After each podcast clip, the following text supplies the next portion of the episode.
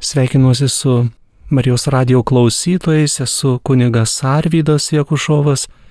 Šios dienos tema - Kalėdų šventė yra Naujajame testamente aprašomi Jėzaus gimimo atskiri pasakojimai.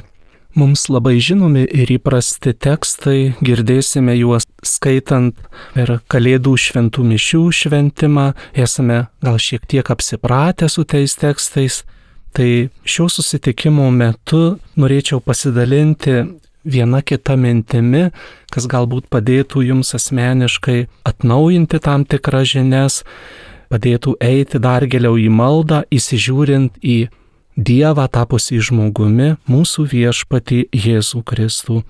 Kada evangelistas Lukas rašo savo evangeliją, labai svarbu, kad neišleistume iš akių pačius pirmus keturias, pirmas keturias eilutes, kada Lukas, sekdamas senovės romėnų, graikų, istorikų pavyzdžių, pateikia tam tikrą įžangą, kuria pasako, kuo remdamasis ir kodėl jisai šį veikalą, tai yra Evangelija pagal Luką ir apaštalų darbų knygą, kodėl jisai rašo. Ir kada skaitome labai atidžiai, jau pirmoje eilutėje sakoma, daugelis jau yra mėginę išdėstyti raštų pasakojimus. Tai yra apie Jėzų. Ir šis žodis mėginę reiškia, kad kažko dar trūko. Evangelisto Luko požiūriu, jau turimų šaltinių šviesoje, jis jaučia įkvėpimą nuosekliau, pilniau, sistematiškiau viską perteikti apie Jėzų. Taigi Lukas naudojasi Morkaus Evangeliją, taip pat, kaip jau buvo minėta, Jėzaus posakių šaltiniu, kas randama pas evangelistą ir apaštalą Matą, bet nėra pas evangelistą Morkų, ir taip pat įjungia savo turimą nuosavą medžiagą apie Jėzų. Įdomu, kad šioje dviejų veikalų dedikacijoje yra paminimas vardas garbingasis Teofili arba lietuviškai sakytume garbingasis Dievo draugė. Manoma, kad tai galėjo būti kaip mecenatas, kuris rėmė šią knygą. Vis dėlto tai yra jo asmenyje gali būti bet kuris krikščionis, kuris tikrai nori aukti tikėjime, tvirtėti ryšyje su Dievu. Ir štai Lukas sako sutvarkytą pasakojimą. Tai yra labai įdomu, kad lietuviškas žodis, kuris kalba apie, apie sutvarkytą tą pasakojimą, yra jis tarsi rodo į tikėjimo mokslo tikrumą. Ir štai šis tikrumas, tai yra būtų, mes galėtume sakyti, tvirtumas, tam tikra atrama, į kurią žmogus atsiriamė ir tai jam padeda nepaslysti ar pargriūti. Taigi, kada žmogus supranta, kodėl aš tikiu, kuo aš remiuosi, tada tikrai jo ryšys, santykis su Dievu yra brandesnis. Jau rašydamas kūdikystės pasakojimą apie Jėzų, Lukas evangelistas nuo pat pradžių iš ankstinėmis užuominomis pasako, kad Jėzus yra kaip dieviškasis pranašas, bažnyčia Jėzaus mokinių bendruomeniai kaip atkurtasis Izraelis, kuris toliau vyksta, auga, dvasiškai tobulėja, biblinių, sakytume, judaizmo aplinkoje yra į jį tam tikrų būdų įjungtas.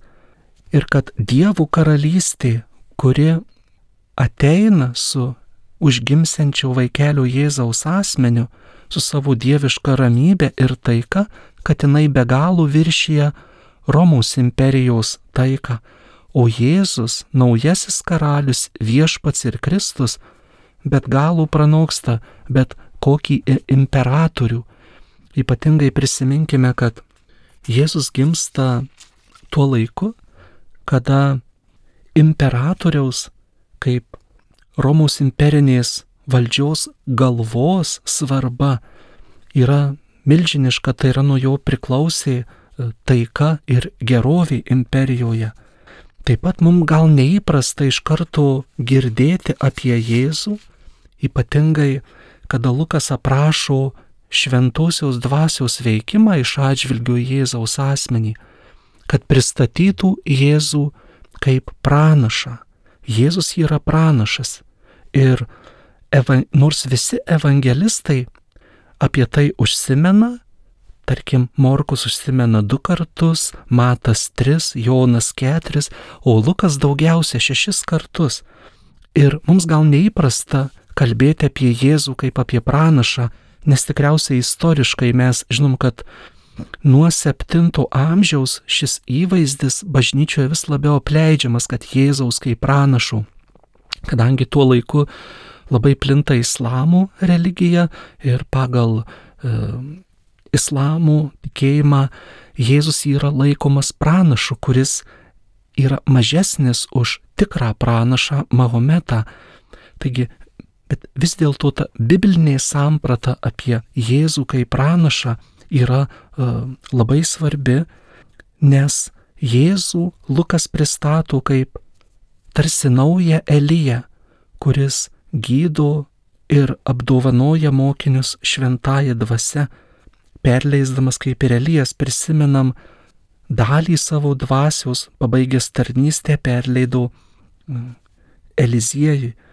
Ir tik tai Lukas iš visų evangelistų pristato Jėzų, kuris kaip mesija savo prisitaiko Izaijos knygos pranašystės žodžius kad štai viešpaties dvasia ant manęs, jis mane patepė, kad neščiau gerą naujieną, gydyčiau tų, kurių širdis sužeista. Taigi, skirtumas taip pat Luko Evangelijos nuo mato apie vaikystės yra, kada evangelistas Matas aprašo Jėzaus gimimą, jis parodo, kad priešiškumas Jėzui jau yra iškart pasireiškintis dalykas. Jėzus dar tik gimė vaikeliu jau jam grėsia pavojus, Juozapas turi bėgti į Egiptą.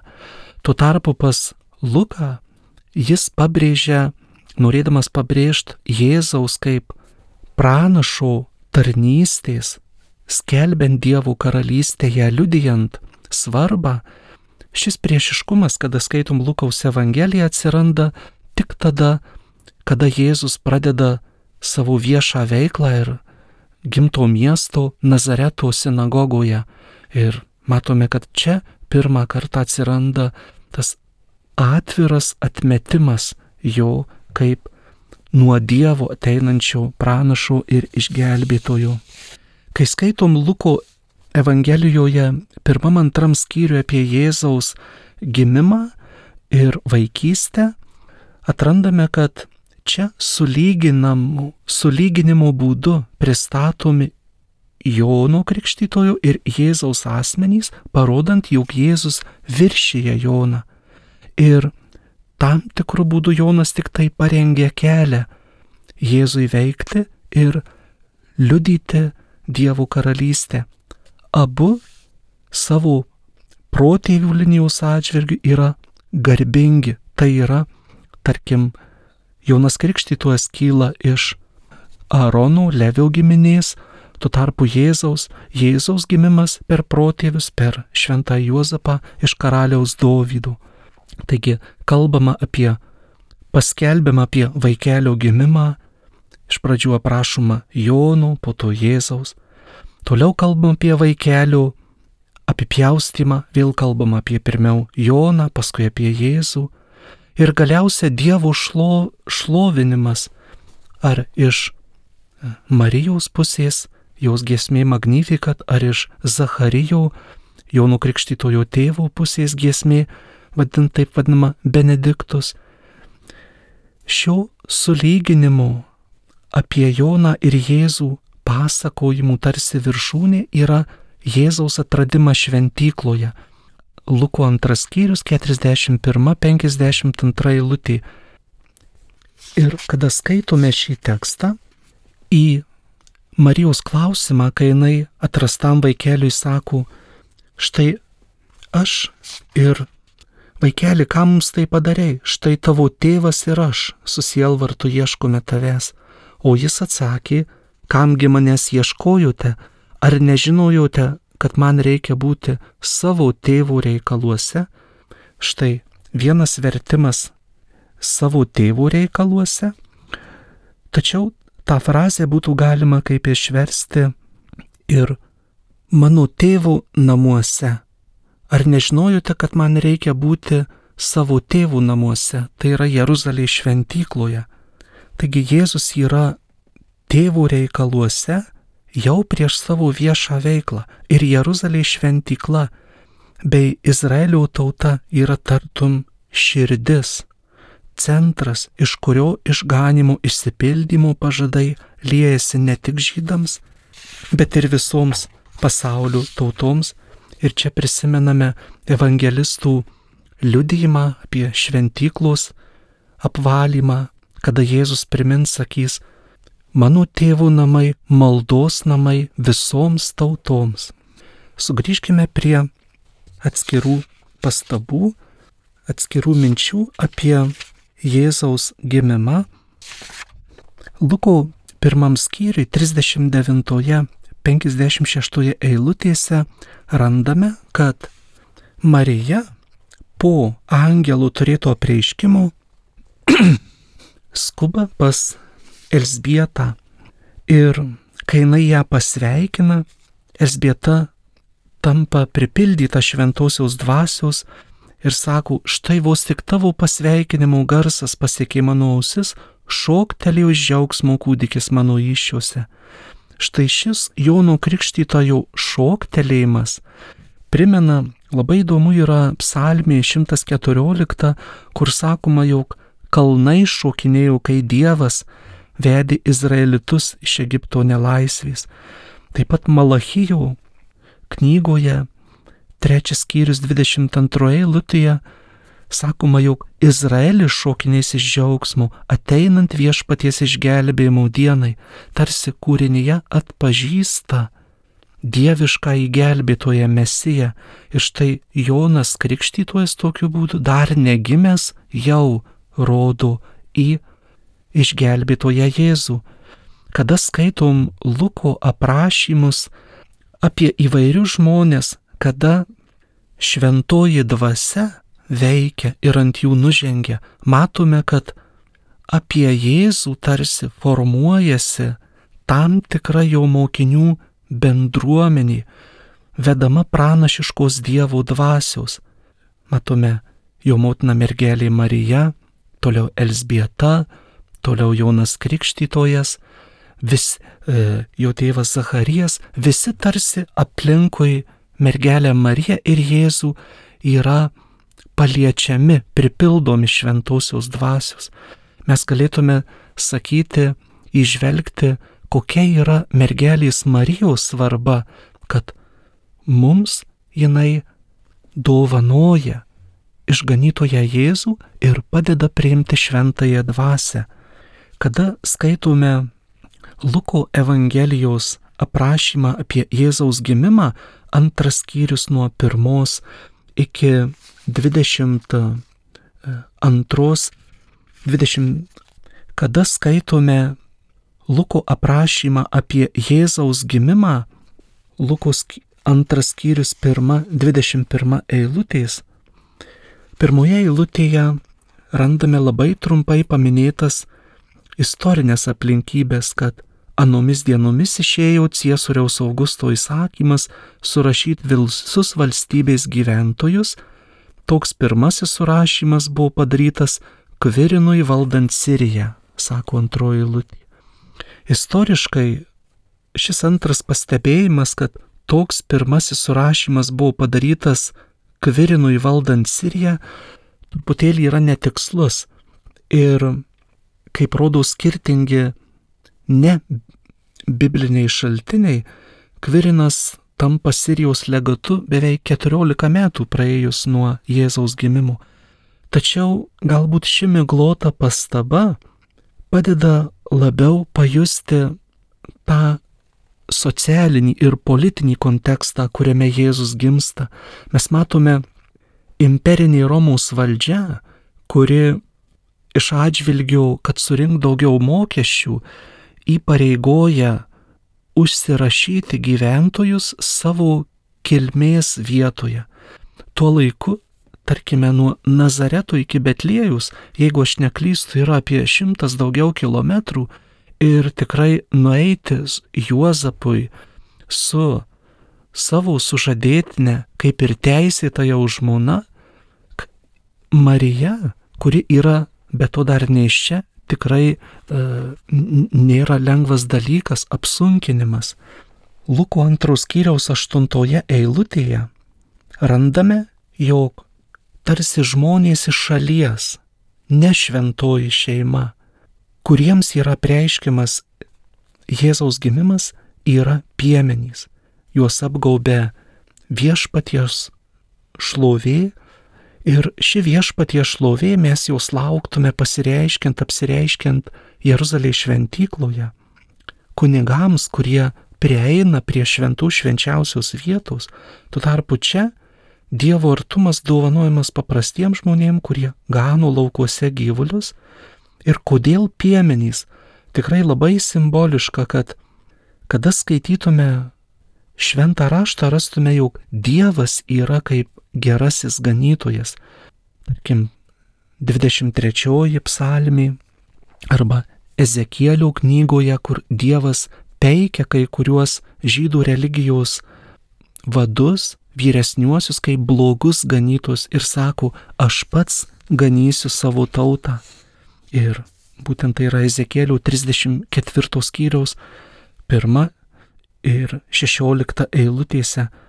Taip pat piemenys neša šią džiugę žinę ir nešti šią džiugę žinę evangelistas Lukas naudoja žodį evangelizuoti, nešti evangeliją.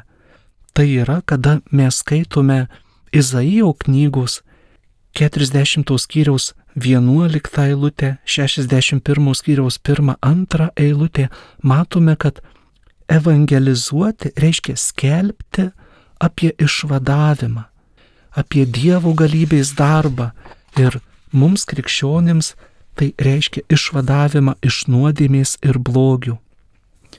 Dar vienas, e, vienas kitas dalykas, mes esam pripratę prie mūsų prakartėlės. Kartai žmonės klausia, ar tenais tikrai buvo jautas ir asilas, ir kiek ten buvo tų gyvulėlių, ar ten buvo ėriukų ir, ir, ir panašiai.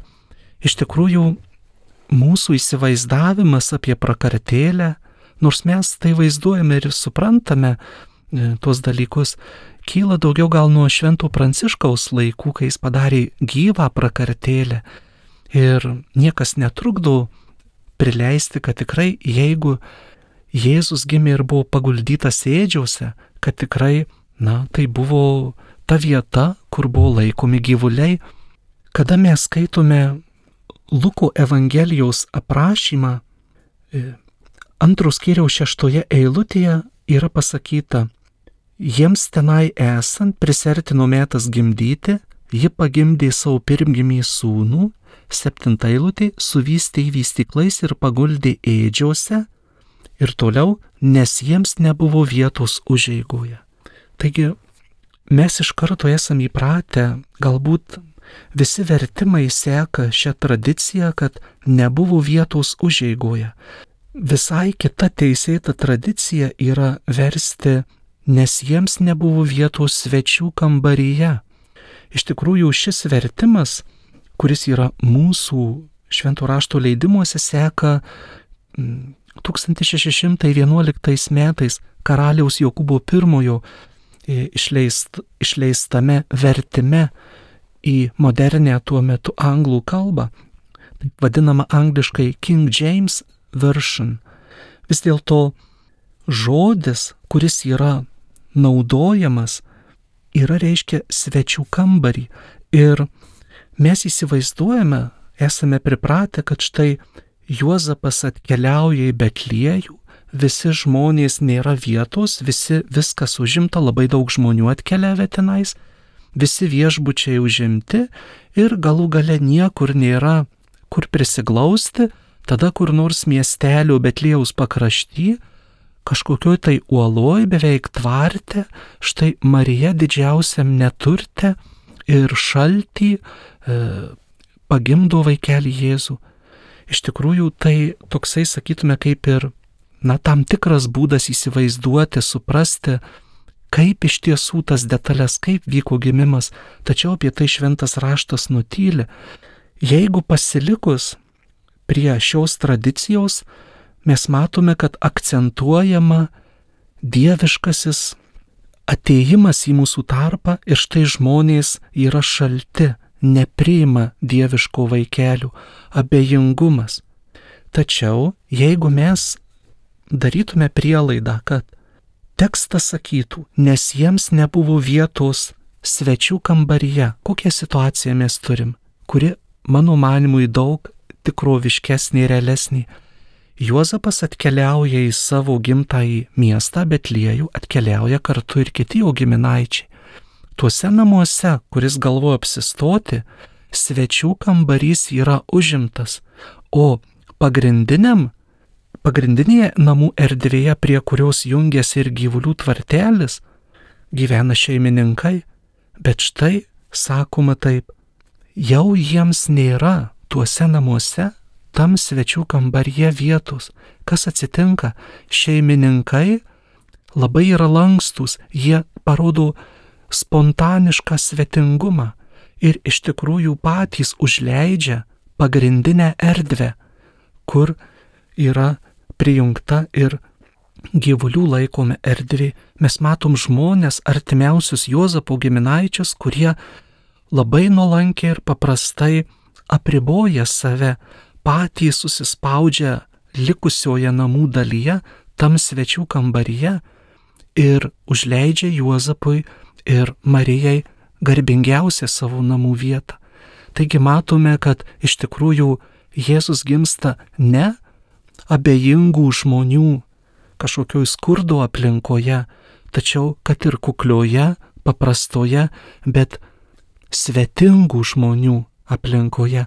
Taigi šiuo atveju būtų pabrėžiamas svetingumas, į kurį Evangelija kviečia, kad Dievas ateina pas mus ir aš galėčiau klausti savęs, ar mano širdis yra svetinga jį priimti. Ir štai kiek yra mums apmąstymų ir paskatinimų maldai. Artėja kalėdos, iš tikrųjų mes girdėsime tuos tekstus. Kai kurios mintys, kuriomis pasidalinau, jos galbūt neišliks jūsų atmintyse, galbūt nėra čia taip labai e, ir svarbios.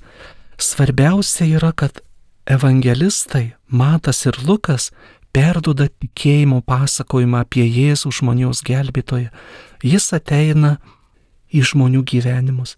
Ir štai mes esame kviečiami jį priimti.